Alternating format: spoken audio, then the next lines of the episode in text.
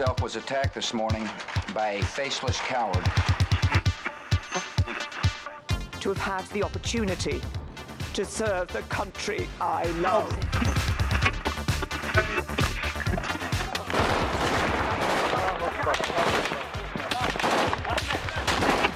Den Einsatz für Frieden und Freiheit in Deutschland, in Europa und in der Welt. We will southern border. I beg you, please do not fail on this.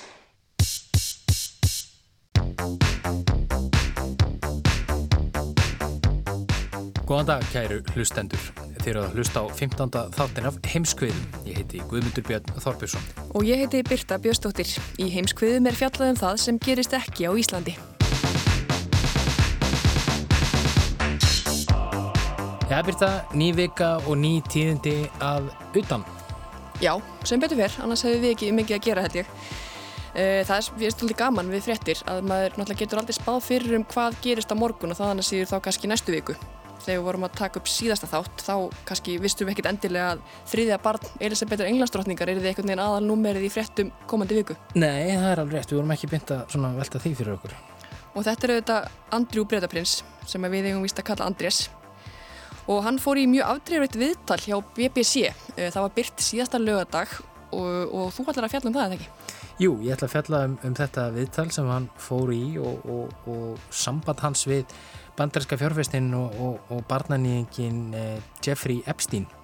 En eh, Andrés er núna gefið að sög að hafa misnóta kynferðislega stúlku sem þá var undir lögaldri og hann á að hafa kynst þessari stúlku í gegnum vinnfengi sitt við Epstein og, og þetta viðtal á BBC var vægast þetta átakanlegt áhors uh, þarna ætlaði hann svona að gera hreint fyrir sínum dyrum og, og svona segja sig, eða lýsa sig saglausan af öllum en þetta fór ekki vel í, í breskan almenning og það er svona, já, þeir sem að horfa þetta viðtal þeir, þeir skilja það nú held ég alveg Og þetta er sko 50 mínútna viðtal. Þetta er ekkert smá langt. Og svona, maður þurftu eiginlega nokkur svona bara að íta á pásu aðeins að, Já, já, að var, þetta, var, þetta var erfitt við fjöllum um þetta en, en Andrés Prins er ekki eina þekkt andlið sem var í fréttum í vikunni, það var Kim Kardashian West líka og það fyrir kannski aðra hluti en hún er oftast þekkt fyrir, er það ekki? Jú, hún er sérst einn þeirra sem hafa staðið í stafni þegar mál Rodney nokkus Reed hans vegar. Þessi Rodney Reed, hann er búinn að sitja á dauðadeild í bandaríkjónum í 21 ár fyrir morð sem að hann segist ekki hafa framið. Hann átti sem sagt að deyja á miðvikudaginn var, en svo var það ekki því að eftir talsverða baróttu þá fe fekk þessi stuðnishópur það í gegn að málið verður tekið upp að nýju og aftökunni hefur allavega verið frestað um sinn. Og við ætlum að fjalla um þetta mál aðeins síðar í þættinum, bæðið mál eh, Rodney Reed en líka svona kannski almennt um dauðrefsingar í bandaríkunum. Og Kim Kardashian West. Hún kemur það við sögu aðeins, já. Já. Eh, og svo er það mótmæli, einu svona sem oftar. Já, það er mótmælt mjög víða í heiminum þessa dagana eins og við höfum svo sem fjallað um hér í heimskviðum nokkrum sinnum áður. En hinga til höfum við ekki fjallað um Líbanon. Nei, það er rétt, eh, en það er kannski full ástæða til núna. Eh, Líbanon er sökkvandi skip og landið er komið um í djúpa hólu sem erfitt verður að komast upp úr. Svona hljóma lýsingar á ástandinu þar í landi þessa dagana. Hundruð þúsunda hafa fleikst út á götur síðsleinar fimm vikur til að mótmala báum efnahegi og vanhæfum gjörspiltum stjórnmálamönnum. En af hverju er þetta gerast núna og hvers vegna gengur hægt að leysa málinn? Óluf Ragnarstóttir segir okkur frá.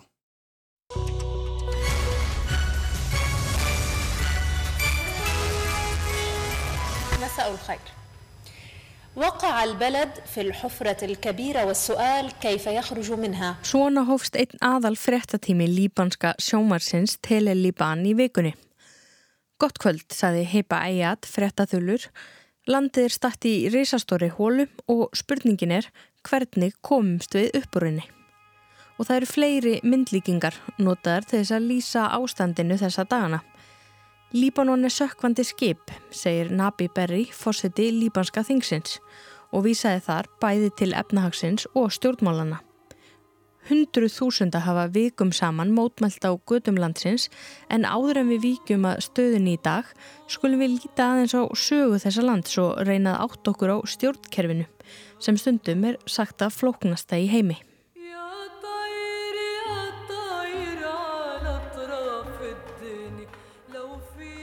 Líbanon liggur með fram miðjarðarhafinu og hefur landamæri að bæði Sýrlandi og Ísrael. Þó að Líbanon hafi ekki orðið sjálfstætti ríki fyrir um miðja síðustu öld, þá þetta svæði og fólki sem þar býr sér langa sögu. Það er nefnilega við strandlengju Líbanons þar sem mátti finna einar eldstu byggðir manna. Eldstu merki um síðmenningu á svæðinu er um 7000 ára. Saga þessi er því bæði merkileg og afarlung en við ætlum að einbytta okkur að nútíma sögulandsins að þessu sinni.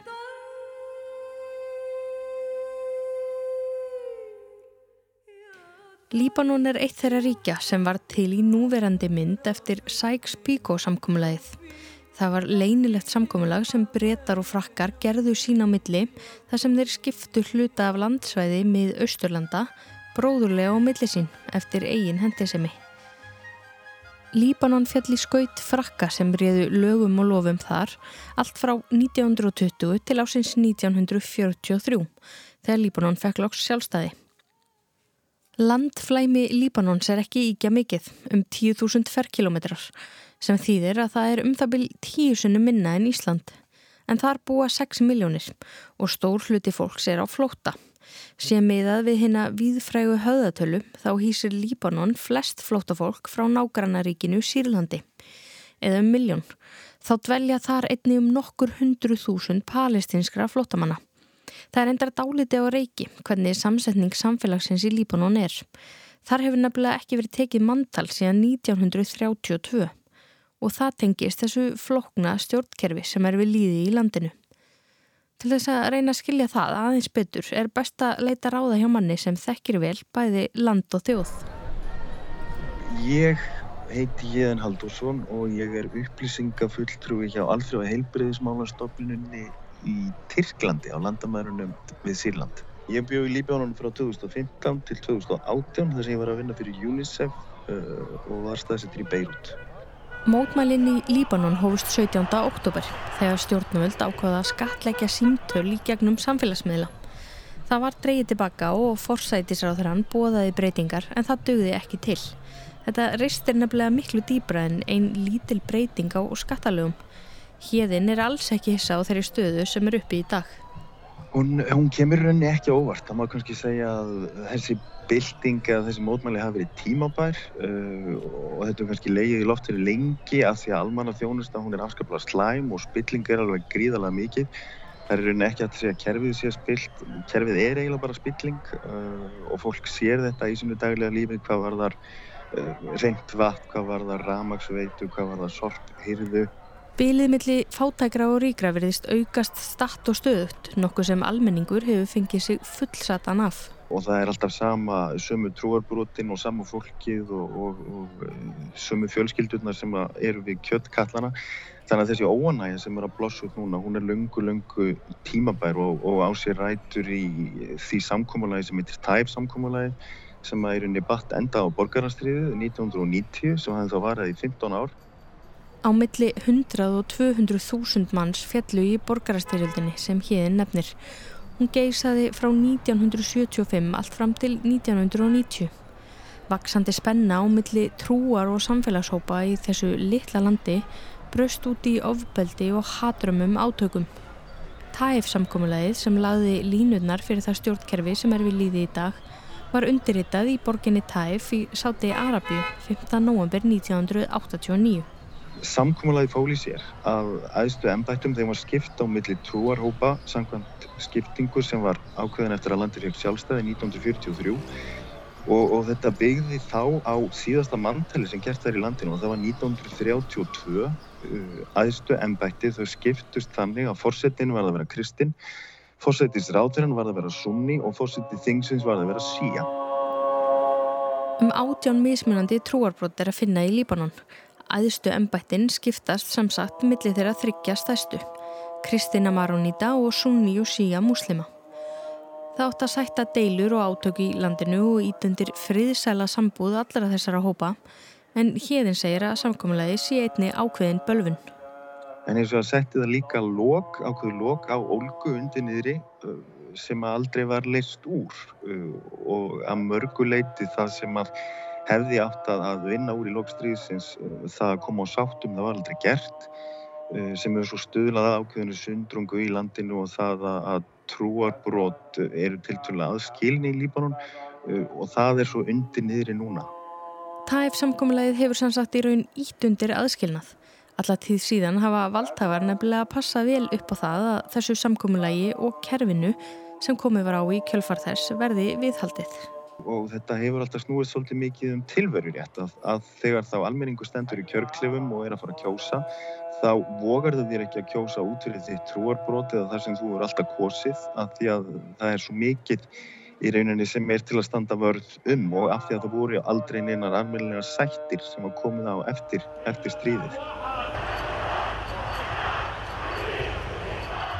Einn krafa á mótmælanda er einmitt svo að breytingar verði gerðar á stjórnkerfunu. Konur hafa verið ábyrjandi í mótmælunum, þær standa nefnilega ekki aðeins frammi fyrir bári efnaðastöðu og spillingu, heldur kerfispundinni mismunum sem jáfnvel er bundin í lög. Við slóum á þráðin til Beirut til þess að forvitnast um stöðu hvenna. Lama Faki er forstjóri mannreitindasamtakana Human Rights Watch í Beirut. As a Lebanese woman living in Lebanon, you know, I of course uh, myself also uh, experienced firsthand uh, some of the ways that Lebanese women are, are discriminated against. Faki segist hafa upplifað kynbundna mismunun á eigin skinni. Right now, one of the uh, core reforms that we are uh, advocating for is a change in the nationality law. Uh, Lebanese women are discriminated against under the nationality law. Uh, Eitt af því sem Human Rights Watch beitir sér einna helst fyrir þessa dagana eru breytingar á lögum um ríkisborgararétt. Samkvæmt gildandi lögum geta líbanskar konur, ólíkt líbanskum karlmönnum, ekki veitt erlendum mögum sínum ríkisborgararétt nýheldur þeim börnum sem þeir kunna eiga með þeim. Þetta hefur mikil áhrif og líf barnana þeirra, segir Faki. Þau geti jáfnvel átt hættu á að vera vísað úr landi. Í Líbanon eru einni sérstök lögum stöðu einstaklinga. Sangvann þeim er konum einni mismunað. Personal status laws more broadly, you know, these are the laws that govern uh, marriage, divorce and child custody. Um, Hjúskapar lög lögum forsjá batna, kallmennum er hyggla á kostna hvenna, segir Faki og öll þessi lög byggja á trú og gera það verkum að konur eru berskjaldar fyrir ofbeldi og sitja fastar í ofbeldisambundum. Uh, uh, það kemur inn í þess vegna lítið á óvart að konur sé í farabróti í mótmælunum í dag.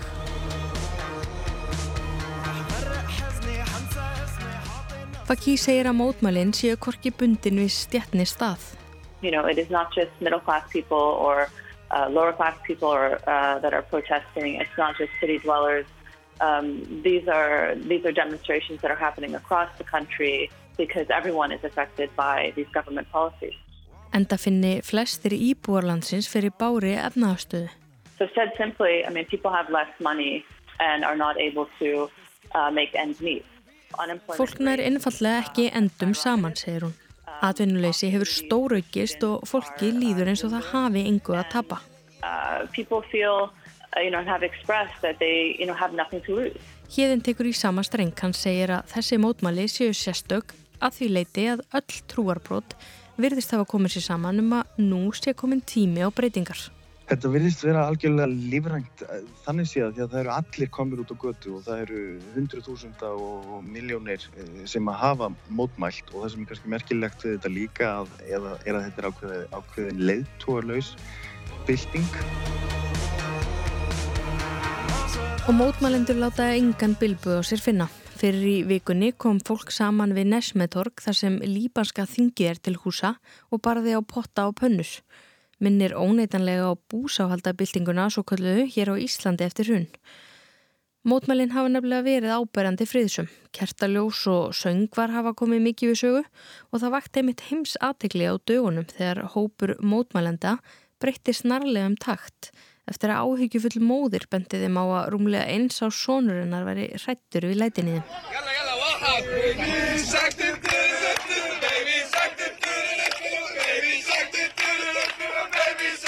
En þótt ekki hafi oft og ítrekkað komið til átaka hafa mótmælaðagerðir samt haft mikil áhrif á samfélagið.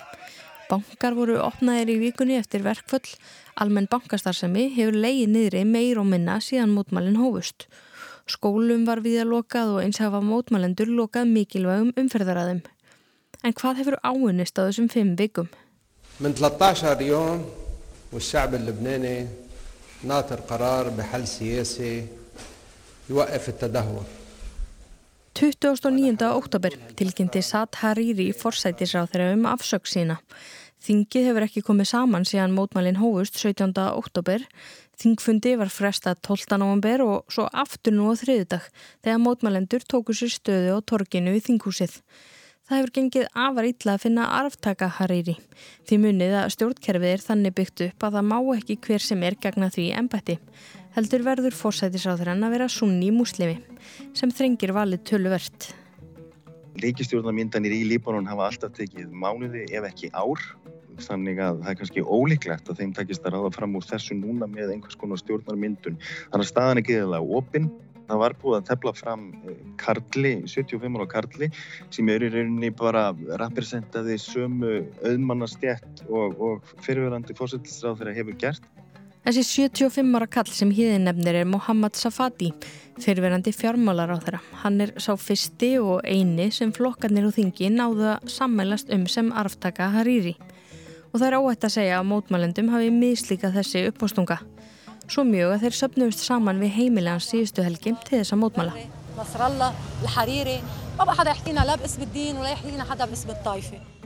Þeirra á meðal var þessi unga kona og hennar skilabóður skýr. Við viljum ekki fá neitt innan úr þessu stjórnkerfi. Við viljum ekki fá neitt sem talar til okkar í nafni trúar eða ákveðin söfnöðar. Sem sagt, krafan er að stokka upp allt kerfið. Safati tók napsitt upp úr hattinu máluðadag og Michel Anoun, fórseti í Líbanon, hefur ekki gefið neitt upp um næstu skref. En sá sem á endanum tekuði stjórn í Líbanon sama hver það verður á erfitt verk fyrir höndum. Þannig er afskaplega slæm efnahagstaða. Líbanon er skuldugt land, skuldugt upp fyrir haus.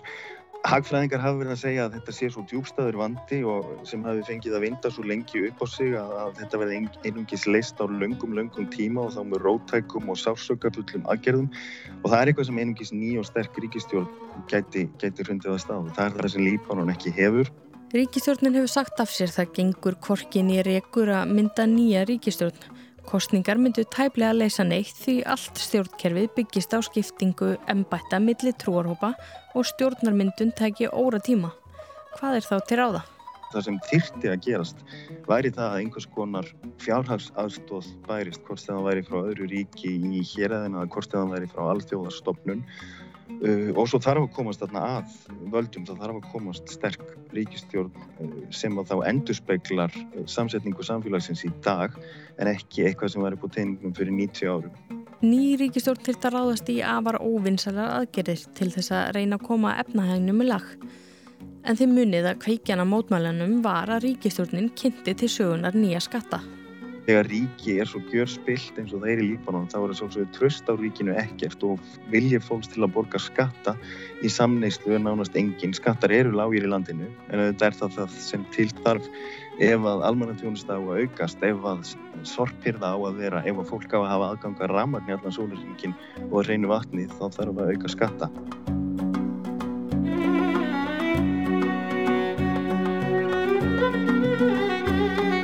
Gott og vel, það þarf þá að byrja að fá almenning til þess að treysta stjórnmálafólki og stjórnmálum almennt, hljómar auðvelt eða þannig.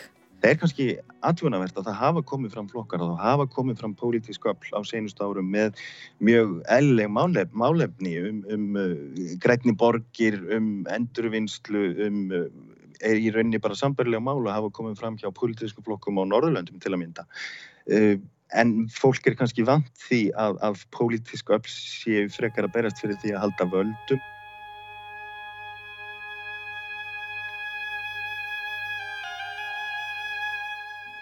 Rík, ríkið er svo veikt í rauninni og, og engavæðingun hefur verið svo mikil og, og þessir eigin hagsmunir, trúarbróta og þeirra sem hafa setið á valdastólan þeir hafa alltaf ráðið öllu Þannig að þessir flokkar sem hafa komið fram, þeir hafa í rauninni ekki átt sér viðreysnar von og þeir hafa ekki náð í uh, sveitarstjórnir eða ríkistjórnir nema í mjög litlu mælu og engu breytt. Líkt og fyrir segir hafa mótmælinn í Líbanon að mestu farið friðsamlega fram. Stjórnvöldi í ríkjum við Östurlanda hafa oft og eðulega tekið hart á hverskins mótlæti. Eitt nærtakasta dæmið er nágranna ríkið Sýrland. Þar hefur geisað hörmulegt stríð í næstum nýju ár. Stríð sem hófst þegar hins svo kalla arabiska vor var í hámali. Stjórnvöld brúðust harkalega við mótmælum almennings sem síðar þróðust út í langvinn átök. Þá hafa staðið yfir hatrum mótmæli í Írak þar hafa á fjórða hundrað verið drepin síðan í byrjun óttobur. Í Líbanon hafa borist fregnir af fimm döðsföllum. Alla Abu Fakkar, tæplega færtugur þryggjabarnafaðir, er eitt þeirra sem lest. Hann var skotin til bana 12. november þegar herin skaut á hóp mótmælenda í bænum Halde suður á Beirut. Alla var við mótmælin á samt fjölskyldu sinni, óvopnaður og verðist ekki hafa sínt af sér neina ógnandi hegðun. Þá hafa yfir hundra verið særið eða slasast. En er hægt á því að ítla fari? Ef mótmælinn halda áfram og engin lust finnst á stjórnarkreppunni. Það er þarna nisti sem að gæti þurft lítið til að tendra til þess að koma á stað ólgu eða, eða ábeldi, en maður vonar að svo fari ekki. En þegar ég tala við mitt fólk og mína vinni og senast í dag, þá er fólk ánægt með að hvernig staðamála er í dag, því að vissulega var komið að breytingum en hins vegar er líka ótti til staðar að þetta gæti þróast í, í ranga átt eða þá einhver pólitísku afl steli byltingunni eins og svo oft gerist í, í stöðum svo þessari. Andrés Bretaprins, næst elsti sónur Elisabetar Englandsdrottningar, stendur í ströngu þessa dagana og hefur dreyið sér í hlið frá ofinberum skildum sínum vegna ásakana um að hafa misnóta stúlku undir lögaldri skömmu eftir aldamút. Stúlkunni kynntist hann í gegnum bandaríska fjárfestin og barnanýðingin Jeffrey Epstein. Viðtal sem breska ríkisúttarpið BBC tók við Andrés í síðustu viku höfu farið eins og eldur í sinu um netteima en þar þótti Andrés gera stöðu sína enn verri. Guðmundur Björn tekur nú við. I'm truly grateful for the opportunity that you've given me to, um, to be able to um, discuss this with you. Your Royal Highness, thank you. Thank you very much indeed. Hér heyru við í Andrési nokkrum hertóðanum af Jórvík, þriðja barni Elisabetar, Englands drotningar og Filipussar drotningamanns. Við þekkjum hann einnig sem Andrés Prins. Hér hveður hann frettakonuna Emily Maitlis að loknu tæplega klukkustunda viðtali við frettaskýringatháttin Newsnight í Breska Ríkissjómarpinu BBC. Viðtalið var tekið í sjálfri Buckingham Hall heimili Bresku konungsfjölskyldunar og af orðum Andresar að dæma er hann bara nokkuð sáttur við viðtalið. Þakka þér kærlega fyrir að gefa mér tækifæri á að ræða þetta mál við þig, segir hann með bros og vör á sveipin eins og maður sem hefur gert góð kaup. En hvorki viðtalið sjálft nýja efni þess og tilefni ætti að vera Andresi sérstatt gleðiefni. Hann óskaði þess sjálfur að viðtalið erði tekið því hann vildi gera hreint fyrir sínum dyrum. Andris likur nú undir ásökunum um að hafa beitt eitt af fórnarlömpum bandariska barnanýðingsins Jeffrey Epstein kynferðisofbeldi og ekki var viðtalið á stöðuna bætandi en það þótti Andris standa sig með eindæmum illa. Og þótt hann hafi kannski verið á öðru máli að viðtalinu loknu veriðist hann hafa átta sig á því og hefur nú stíð til hliðar. Hann mun ekki sinna ofinberum skildum sínum fyrir bresku konungsfjölskylduna um óákveðin tíma. En hver er þessi maður?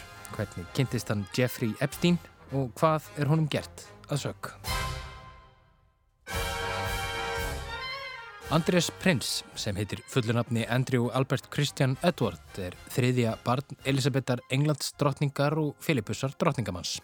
Þá ber hann aðalsmanna teitilinn Hertogin af Jórvík eða Jork en þann teitil hefur næst elsti sonur Englands drottningar eða konungs borið frá 15. öld. Andrés fættist í februar árið 1960 og verður því 60 snemma á næsta ári. Þegar hann fættist var hann annari í röðinu eftir Karli bróður sínum um að taka við bresku krúnunni af móður þeirra. Hann er nú áttundi í röðinni á eftir Karli og neðjum hans. Andrés situr þó ekki auðum höndum og gegnir ímsum skildum sem prins. Hann situr í stjórnum ímissa félaga í umbóði konungsfjölskyldunar og er hátt settur innan breska sjóhersins þar sem hann gengdi herþjónustu um tíma. Árið 1986 giftist hann Söru Ferguson og egnaðist með henni tvær dætur, Beatrice prinsessu og Evgeniu prinsessu. Hjónaband þeirra Söru var stormasamt og endaði með skilnaði 1996 sem hlaut mikla umfjöllun bresku pressunar.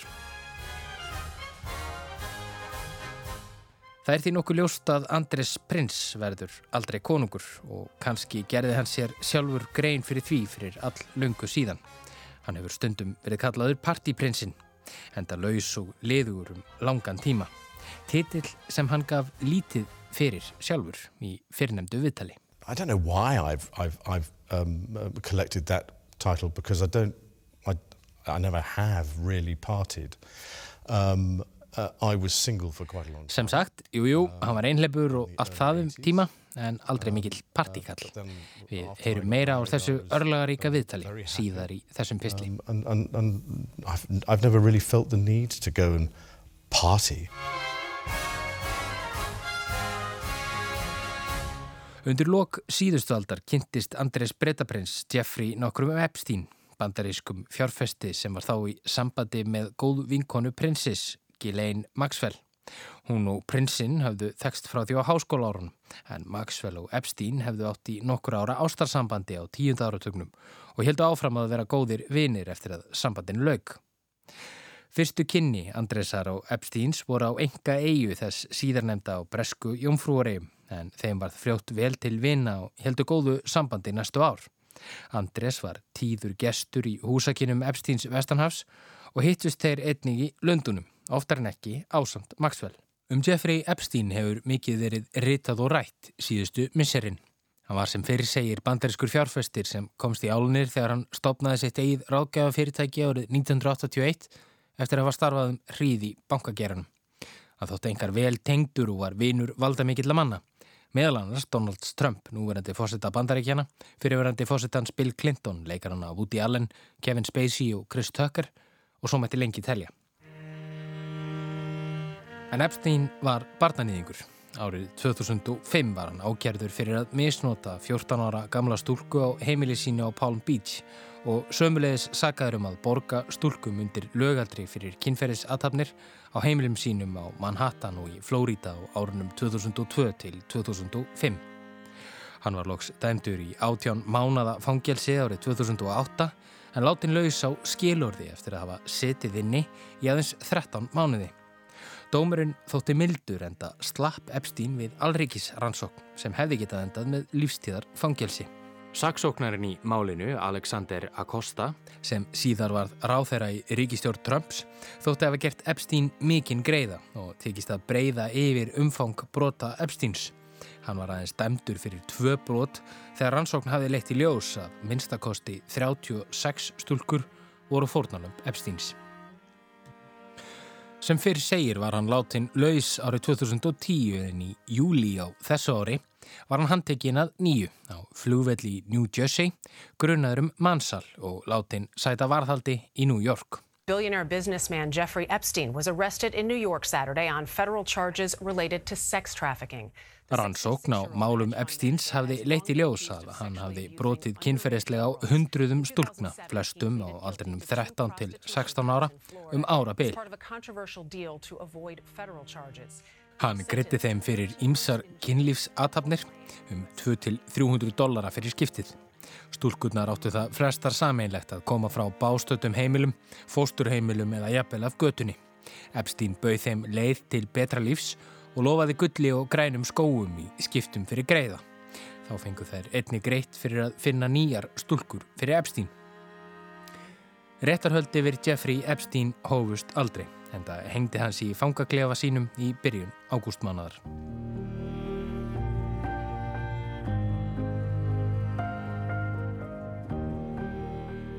Víkur þá sögunni aftur að Andresi Bretaprins og vinnfengi hans við Jeffrey Epstein. Öll spjót beinast nú að prinsinum því hann er nú sakaður um að hafa sjálfur misnotað stúlku sem Epstein hafi kynnt hann fyrir. Í janúar 2015 leitu ásakanirnar fyrst dagsins ljós þegar Virginia nokkur Roberts sagði í vitnaleðslum í Flórida í máli tengdu Epstein að hertógin af Jórvík væri hópi valdamikilla manna sem hefðu misnotað hana þegar hún var úlingur. Aðrir hafi verið ónemdur fósætisráþera og bandaríski stjórnulögfræðingurinn Alan Dersovits. Hún saðist hafa þegið 10.000 pund úr Vasa Epsteins fyrir að vera með hertóanum. Það hafi gerst þrísarsinnum í Lundunum í New York og enga eigu Epsteins í Karabíska hafinu. Atvikið í Lundúnum á að hafa gerst þann 10. mars 2001 þegar Virginia var aðeins 17 ára gömul. Í kjölfarið barst yfirlýsing frá Buckingham Höll þar sem ásökunum stúlkunar var hafnað. Þar væru með öllu ósannar. Óhætt er að segja að síðustu dagar í lífi Andresar Bretaprins hafi verið stormasamir. Ekki aðeins vegna þess sem hann kann að burðast með á samviskunni, heldur vegna viðtalsins umræta sem hefur verið á allra vörum síðan. Ótrúlegt en satt var viðtalið tekið að beðinni prinsins sem vildi útskýra sína hlið málsins fyrir bresku þjóðinni en það hefði hann ekkert að fela. Í upphafi viðtalsins byður Mætlis prinsinn um að rekja vinskapsinn við Epstein. Um, and it would be to some extent a stretch to say that, that um, uh, as it were, we were close friends. I mean, we were friends because of other people. Já, ef vinskap skildi telja. Prinsinum var tíðrætt um að þeir Epstein hafi ekki verið neynir nánir vinir, heldur kynst í gegnum sameinlega vinkonu, fyrirnemda Ghislaine Maxwell. Annað móð þó ráða af tíðum heimsóknum prinsins til Epsteins sem á þeirri staðrænd að þeir félagar hittust skömmu eftir að Epstein var látin laus úr fangilsi árið 2010. Laus úr haldi eftir að hafa setið inni fyrir kynferðisbrót gegn börnum. But it would be, it would be um, a, a, a considerable stretch to say that he was a very, very close friend. But he had the most... Prinsinn segir það hafa verið mistök af sinni hálfu að fara að hitta Epstein en hann hafi gert það til þess að segja honum að þeir gæti ekki lengur verið vinnir. Hann hafi þurft að fljúa yfir Allandshafið til þess vegna þess að hann sé einfallega þannig af Guði gerður að honum finnist betra að flytja slík tíðindi í eigin personu. And uh, I felt that doing it over the telephone was the chicken's way of doing it. I had to go and see him and talk to him. Hann hafi hins vegar ákveðið að dvelja í nokkra daga í húsi Epsteins þar sem það hefði verið hendut fyrir hann. Gleimið því ekki hér að Andres er prins og ætti því að geta orðið sér út um gistingu nokkuð auðveldlega.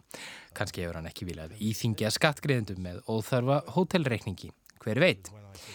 En þótt Andrés segi að eftir á að higgja hafi það verið mistök að hitta Epstein í New York, dæmdan barnanýðingin, væri hann ekki tilbúin til þess að segjast sjá eftir því að hafa kynst Jeffrey Epstein. Þar sem hann hafi, í gegnum þeirra vinskap, kynst mörgum framámönum í viðskiptalífinu sem hafi gagnast honum í starfi sínu fyrir bresku konungsfylskilduna. Svo kolluð nýtsemis vinóta hefði Aristoteles gamli kallað þetta. En nýtsemin af þessari vinótu kann að hafa verið meiri en bættar í tengslu við merka menn og konur því sem fyrir segir likur Andrés undir grunum alvarleg kynferðisbrot. Hann vísar þó ásökunum Virginia Roberts til föðurhúsana og segir algjörlega útlokað að hann hafi stundað kynlíf með henni þann 10. mars 2001. Þá var hann á pizzastaf í Woking, einu af útkværum Lundúna. That couldn't have happened because the date that is being suggested I was at home with the children. You know that you were at home with the children. Mm. Was it a memorable night? On that particular day that, that, that um, uh, uh, we now understand is the date, which is the 10th of March, uh, I was at home. Uh, I was with the children. I'd taken Beatrice to uh, a Pizza Express in Woking for a party at, a, I suppose, sort of four or five in the afternoon. Um, Fæst okkar muna svo nákvæmlega hvað við vorum að gera á tilteknum degi fyrir meirinn 18 árum síðan en tilefnið útskýrir stál minni prinsins. Why would you remember that so specifically? Why would you remember a, a Pizza Express birthday and being at home? Because going to Pizza Express in Woking is an unusual thing for me to do. Marst þú hvar þú varst þann 10. mars árið 2001? Hlustandi góður, já, þú varst kannski spönginni í Grafrói eða á sveittri pizzabúlu í Hafnarfyrði. Því þú ferði eiginlega aldrei þangað og mannst það þess vegna, með ekki satt. Ummæli prinsessum Woking og tildekinn pizzastað undirstrykkað mörguleiti þá djúbstæðu gjá sem er milli bresku konungsfjölskyldunar og almennings. Þetta fólk tilherir ekki sama heimi, ekki sama veruleika. Þetta kom aftur í ljós þegar prinsinn viðurkendi að sér hafi ekki þótt neitt aðtóðavert við að sjá ungar stúlkur á heimili Epsteins. Hann hafi einfallega haldið að þær væru þjónustu stúlkur eins og eru í Buckingham Hall. Look, uh, the other aspect of this is that, is that, that um, I live in, a, in, in, in an institution um, at Buckingham Palace which has members of staff walking around all the time. And I don't wish to appear grand, but there were a lot of people who were walking around Jeffrey Epstein's house. Þá tók steinin úr þegar Mætlis spurði Andrés hvort hann yðræðist þess ekki að hafa haldið sambandi við Epstein eftir að komið var í ljós að hann var dæmdur barnanýðingur. Do I regret the fact that, that, that he has quite obviously conducted himself in a manner unbecoming? Yes. Unbecoming? He was a sex offender. Yeah, I'm sorry, I'm being polite um, in the sense that he was a sex offender. Epstein hafði hagað sér á óviðegandi hátt in a manner unbecoming sem var óhefilegt að mati prinsins. Mætlis getur ekki leint nexlunar sveip sínum og áréttar að hann hafi verið dæmdur kinnfreys afbrótamæður. Já, fyrirgeðu, segir prinsinn. Ég var að reyna að vera kurtis. Og svona er þetta viðtal allt frá upphafi til enda. Allt í fari prinsins flótaleg viðbröð hans við spurningum mætlis og förðuleg og oft þversagnakend svör enkendu það. Aðspörður um þá fullirðingu Virginia Roberts um að prinsinn hafi svitnað mikið þegar þau dönsuðu saman á næturklúpi áður en hann hafi brotið gegn henni, sagði Andrés sig hafa þá þjóðst af líkamlegum kvilla sem hann hafi áunnið sér í Falklandsæja stríðinu. Hann gera hann óhæfan um að svitna. Læknar hafa dreyið þessa sjúkdómsgreiningu prinsins í efa. Þá var Andrés spurður út í ljósmynd sem er tekin af honum og Virginia Roberts í húsi í Lane Maxwell í Lundunum. She provided a photo of the Yes. two of you together. Yes. Maxwell er einnig á myndinni en Andrés er með hendurnar utanum Virginia. I've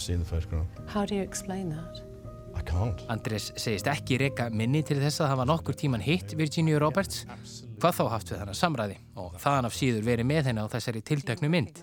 Myndin sé tekin á efri hæð hús Maxwells og þangað hafi hann aldrei komið. Your friend suggested that the photo is fake.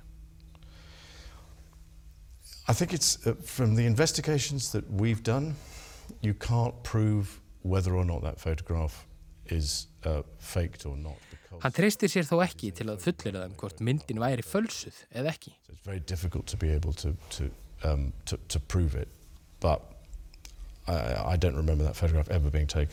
Þrátt fyrir engar klúðurslega framistöðu prinsins í umrætu viðtali er það sem ber hæst þó vafalítið svo afþráttarlausa afstæða hans um að hann hafi ekki gert neitt ránt.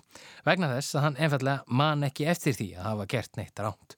Hann man ekki eftir því að hafa stundar kynlíf með ungra stúlku og það að stundar kynlíf með einhverjum er eitthvað sem karlmenn muna þar sem það er jákvæður verknaður eins og hann orðar það og því myndi hann muna eftir. Og það sem meira er, síndi Andrés prins fórnalömpum Epsteins enga samúð, enga samkend. Hvergi í viðtalinu kemur það fram, þótt honum sé meira að segja bóðið að bæta einhverju við.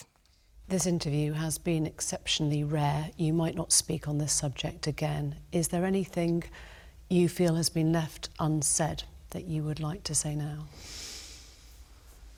No, I don't think so. I think you've probably dragged out most of the most of what is required, and, and um, I'm truly grateful for the opportunity. Kanski voru viðbröð prinsins til marksum þá fyrringu sem veriðist einkenna líf þeirra sem malast upp í hliðar veruleika við mannlegt samfélag. Veruleika þar sem annað fólk er beinlínis undir þér og þínum. Það eru þegnar þínir. En viðbröð almennings voru önnur en prinsins og var hart sótt að Andrisi í kjölfar viðtalsins. Svo harkalega að almannatengill prinsins sagði af sér daginn eftir og fjölmörg fyrirtæki og stopnarnir hafa sömuleiðis slitið á allt samstarf við prinsinn. Í gær bast svo tilkynning frá Buckingham Höll að Andrés myndi nú draga sér í hlje frá ofinberum skildum sínum um óákveðin tíma. Í yfirlýsingunni, sem er undirrituð af Andresi, segir hann að tengst sín við Jeffrey Epstein hafi trublað það góða starf sem konungsfjölskyldan inni af hendi. Og í þessari yfirlýsingu kemur loksins fram vottur af yðrun og samkjönd þar sem hann segist finna til með fórnarlöpum Epsteins, eitthvað sem hann sagði ekki í nærri klukkustund og löngu viðtali við Breska ríkisútarpið. Þá sagðist hann einnig tilbúin að aðstóða við rannsóknina á málum Epsteins en aðeins ef þörf krefur. Gloria Alfred sem fer með mál nokkura fórnalampa Epsteins hefur nú hvart hertuan til að stíga fyrsta skrefið og bjóða laurugleifur völdum Vestanhafs aðstóð sína. Þá hefur einnig verið kallað eftir því að prinsinn farið með eðsfarin vitninsbörð. Og þótt Andres sé prins er Breitland liðræðisríki og það er ekki útilokað að Andres yrði framseldur til bandaríkjana, verði hann ákjærður. Þetta segja lögmennir Anna Rothwell og Ben Keithwee og bæta því við að breska konungsfjölskyldan geti ekki komið vekk fyrir að réttað yrði yfir Andresi, verði hann ákjærður. Það verður þó að teljast ólíklegt að það gerist en rannsókn á málinu heldur áfram. Johnny Diamond, frettamæður breska ríkisútarpsinn sem sér hefur sig umfjöllunum bresku konúsfylskilduna, segir þessa sögu án allra fordæma og ólíklegt að Andres muni nokkur tíman fá að sinna skildum sínum sem prins aftur. Viðtalið hafi verið stórslis og niðurlægingin sé algjör. Breska krúnan, teitri nú og skjálfi.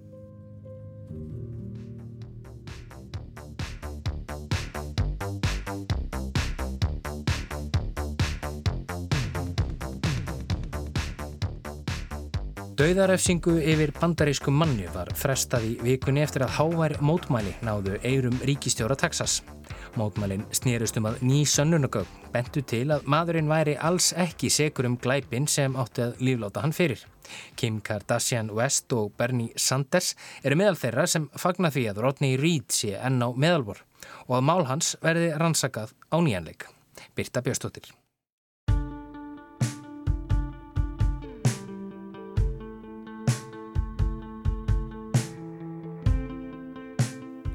Þó við vitum fæst okkar æðikvöld var Rodney Reed lengi meðvitaður um að miðvíkudagurinn 20. november síðastliðin er þið líklega hans síðasti í þessu jærlífi. Lengi stóð nefnilega til að taka hann af lífi þannan tiltekna dag fyrir glæp sem hann hlaut dóm fyrir fyrir 21 ári síðan. On November 20th, 2019, Reed is scheduled to die for the murder of Stacey Stites in Bastrop in April 1996. Snemma morgunstan 20. og 3. apríl árið 1996 var matveruvöslinin Bastrop í nágrinni Austin í Texas í bandaríkjónum opnuð, líkt og flesta modna. Hinn 19 ára Stacey Stites áttið að mæta þangað á morgunvakt. Vaktin hennar var enn ómönnu þegar bílinn hennar fannst yfirgefin nokkrum klukkustundum síðar. Síðdeis fannst svo lík Stacey Stites út í skógi. Hún hefði verið kyrt með beltinu sínu. Then, hours later, a realtor stumbled upon Stacey's body on a quiet dirt road miles away. Stacey had been strangled. Ítaleg rannsók fór fram á sviplegum dauða ungu konunar. Rannsók sem skilaði þó yngri niðurstöðu. Ekki fyrir þó nokkru mánuðum síðar þegar Rodney Reed var handtekinn, grunaður um að hafa misnotað og myrt aðra konu. Lífsíni úr Rít sönnuðu sakleysi hans í því máli en það var þins vegar samsvörun með lífsínum hans og öðrum úr gagnabankar lauraglunar. Smávægilegar leifar af sæði höfðu nefnilega fundist í Stacey Stites. Rít sagði við yfirheyslur að tengingin eftir sér eðlilegar skýringar. Hann og Stacey Stites hefðu átt í leinilegu ástarsambandi. Þau hefðu síðast sofið saman daginn áður nú var myrt. Rít hefur eins vegar allatíð svarið af sér að hafa nokkuð með dauða Stites að gera.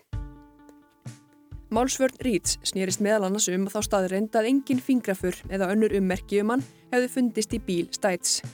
Þá voru sömuleiðis engin lífsíni tekin af morðvopninu, belti sem Stæts hefði átt. Og sannað var að hár sem fannst á líki Stæts var ekki af Rít.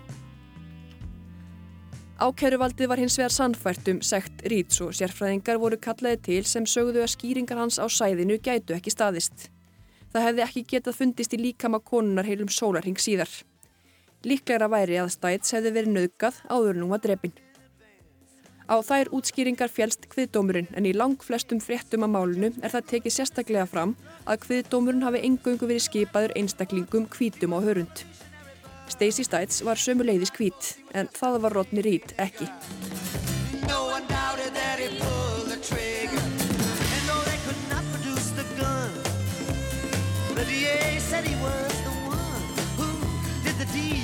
the old Algeria Creed Þarna syngur Bob Dylan um annan hörundstökkan mann, Rúbin Carter, sem var síknaður eftir áratuga vist í fangelsi fyrir morð sem hann framti ekki. Húðlitur þeirra sem koma við sögu í máli Ríts hefur verið talin skipta máli, sérstaklega nú í setni tíð. Þegar Stacey Stites var drepin var hún trúlofuð um Jimmy nokkum Fennel. Sá var fyrirverandi lauruglumadur og nú í setni tíð hafa dúkað upp ímsar sögur af honum sem þagað var um þunnu hljóði þegar rétta var yfir rít. Frásagnir af brestum í sambandi þeirra Fennels og Stæts eru nú komnar fram. Frásagnir sem stangast á við þá ímynd sem ákæruvaldið hjælt á lofti um hvað þau hefðu verið hamíkjusum saman. Þá er einnig komin fram vittnisspurður konu sem segir Fennel eitt sinn hafa sagt að ef hann kæmist af því að konan hans heldi fram hjá sér með svörtu manni myndan kirkjana.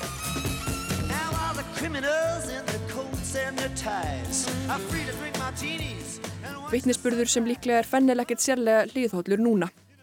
Þá hefur ónemndur lauruglumadur nú rifið upp að þegar Fennel stóði við líki unnustu sinnar í útför hennar hafi lauruglumadurinn hirtan tuldra, hún fjekk það sem hún átti skilið. Það er reyndar ekki alveg í samræmi við lýsingar sýstur Stæts á útförunni. Hún segir að Stæts hafi verið jarsett í brúðarkjólnum sem hún var búin að kaupa sér til að klæðast í brúðköpi þeirra Fennels. Fennel hafi sömu leiðis dreyið ringa og fingur látinar unnustu sinna við þetta tækifæri. I don't know if a lot of people know that we buried her in her wedding dress and he put the ring on her finger. Um, it was just his parents and I there to see that.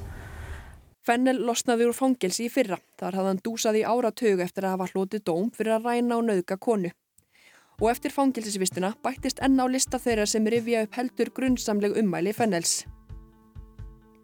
Maður nafni Arthur Snow segir að Fennel hafi játað fyrir sér að hafa drepið svertingja elskandi unnustu sína. Hans orð.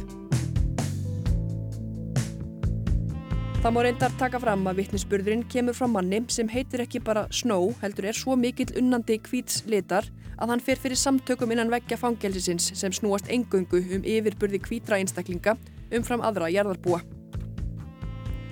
Hér má reyndar taka fram að Fennel hefur alla tíð lísti við saklæsi sínu og fjölskyldastæts segist öll handvisum að Rodney Reed sés á segi. Engu að síður hafa Ímis áleitamál komið upp undanfarið. Þannig hafa margir af áðurnemdum sérfræðingum sem í réttarhöldunum staðhefðu að sæði gæti ekki lifaði líkama hvenna í sólarring sem leiðis bakkað með frambulsinn. Eitt þeirra, Roberto Bayardo, hefur nú gefið aðra eðisvarna yfirlýsingu þar sem hann viti nú að sæði getur lifað ágætu lífi í nokkra daga utan líkama Karlmanns. Hann segir því nú að það sé ekkert sem hreki þá kenningu að Rodney Reed og Stacey Stites hafi sofið saman með samþykki begja daginn áður nú að myrt. Þá hafa sömuleiðis komið upp evasemtir um hvenar Stæts var myrt og réttarmeinafræðingarnir sem veittu sérfræði álit við réttarhöldin yfir rít hafa nú viðkjent að dánastundin sem er á dánarvottorði konunar sé ekkit endilega svo laug rétta. Eins og Rodney Reed segir sjálfur, þá eru þau eitthver sem vita sannleikan í málunu. I think a lot of people know the truth right now. It seems like every year something new is steady coming out. Og með allar þessar nýfengnu upplýsingar í farteskinu hafa lögfræðingar Rodney Reed undanfarið hamast í því að fá aftökunni frestað og fá málans tekið fyrir á ný. Lögfræðingarnir starfa einan viðbanda samtaka sem kallast Innocence Project og sér hafa sig í málum fólks sem segist setja saklausta bak við lás og slá. Og þeir hafa ekki staðið einir í þeirri baróttu. Hóp stuðningsfólks Reeds mannar fólk sem alla jafna ratar í fréttinnar fyrir aðra hluti. Þeirra á meðal Rihanna, Busta Rhymes og Kim Kardashian West. Svo síðast nefnda segist ekki blanda sér í mál sem þessi nema að vel í grunduðu máli. I really am strategic when I am tweeting about someone's life. Yeah. You know, sometimes I think attention could help. I never want to do anything if I feel like it can hinder a case. Stjórnundar lögðust á árar með lögfræðingunum í Innocence Project og nýttu samfélagsmiðla meðal annars til að hvetja þær miljónir sem fylgja þeim þar til að skrifa undir áskorun til ríkistjóra Texas, Greg Abbott, um að fresta aftökunni og taka mál Ríts fyrir á nýjan leik. Henni nabtóðu einstaklingar gerðu heil mikið fyrir sínuleika málsins. Miljónir rétu nabsitt á undirskriftalista á netinu til stuðnings Rít. Þann 13. november sendi svo þingmaðurinn Michael McCall bref til ríkistjórans Abbott og baðan um að fresta aftökunni.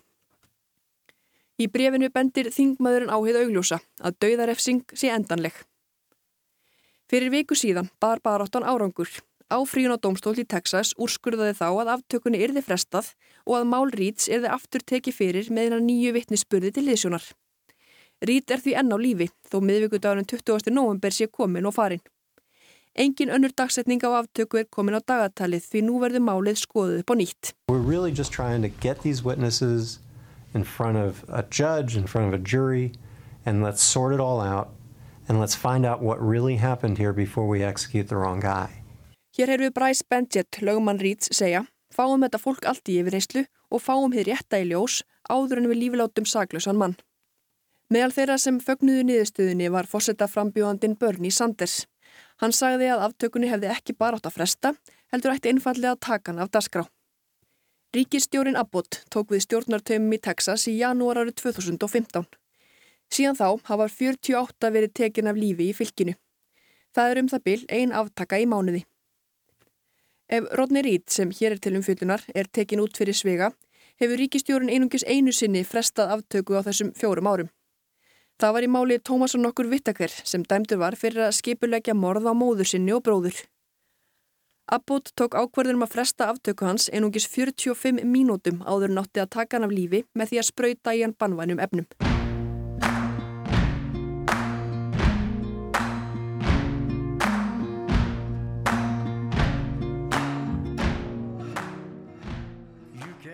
Dauðarefsingar eru lögulegar í 29 ríkjum bandaríkjana. Í fyrra voru 25 tekin af lífi þar vestra og dauðadómar hvaðinru upp yfir 42. Nú setja 2673 á svokvöldum dauðadildum í bandaríkjunum. Þar setur fólk sem býður aftöku. Af þessum 2673 eru 54 konur. Dauðarefsingar eiga sér langa sögu í bandaríkjunum. Pennsylvania varð árið 1834 fyrsta ríki til að framkama döðarefsingar inn í fangelsum. Það fóru þá ekki lengur fram á torgum. Aðferðirnar við að taka fanga af lífi hafa sömuleiðis tekið breytingum. Árið 1890 var fyrsti maðurinn tekin af lífi í ramagstól. Rúmum 30 árum síðar var byrjað að nota eiturgas til að framfylgja döðarefsingum og um hálfru öll síðar var byrjað að nota bannvanar spröytur til verksins. Það er líklega ekki ofsagt að dauðarefsingar séu gríðarlega umdeildar. Þar hafa verið tekkar af dasgrá í tæplega helmingi ríkja bandaríkjana og ímis mannriðndarsamtök sem berjast fyrir því að þau verði fleiri. Bandaríkin eru eitt 14 ríkja í heiminum þar sem dauðarefsingar eru heimilar með lögum. Svo mál Rodney Reed er marglaga. Það er speigill á umræðu um kynþáttaheikju í bandaríkjunum. Það beinir kastljósunni á dauðarefsingum, lögmæti þeirra og forvarnagildi. Eða hvað, kannski er þetta ekkert svona marglaga og flókið. Annarkvort draf maðurinn konu eða ekki. Og ef hann gerði það ekki, hljóta nú eiginlega allir að vera sammála um að hann eigi ekki að sitja í fangilsi og þaðan af síðu vera tekin af lífi. Sure dark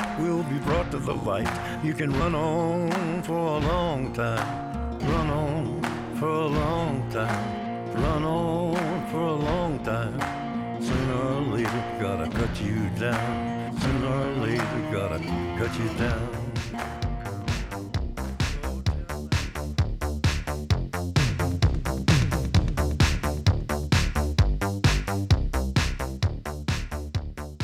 Heimskviður verð ekki fleiri þessa vikuna. Þátturinn er endurfluttur á lögutaskvöldum á Rás 1 og er aðgengilegur á öllum helstu hlaðvarpsveitum. Þá er einnig hægt að hlusta á þáttin í RÚV appinu eða í spilarunum á RÚV.is. Þar er svo einnig hægt að lesa ítarlegar fréttaskýringar um efni þáttarins. Við þökkum þeim sem hlýtu og heyrumst í næstu viku.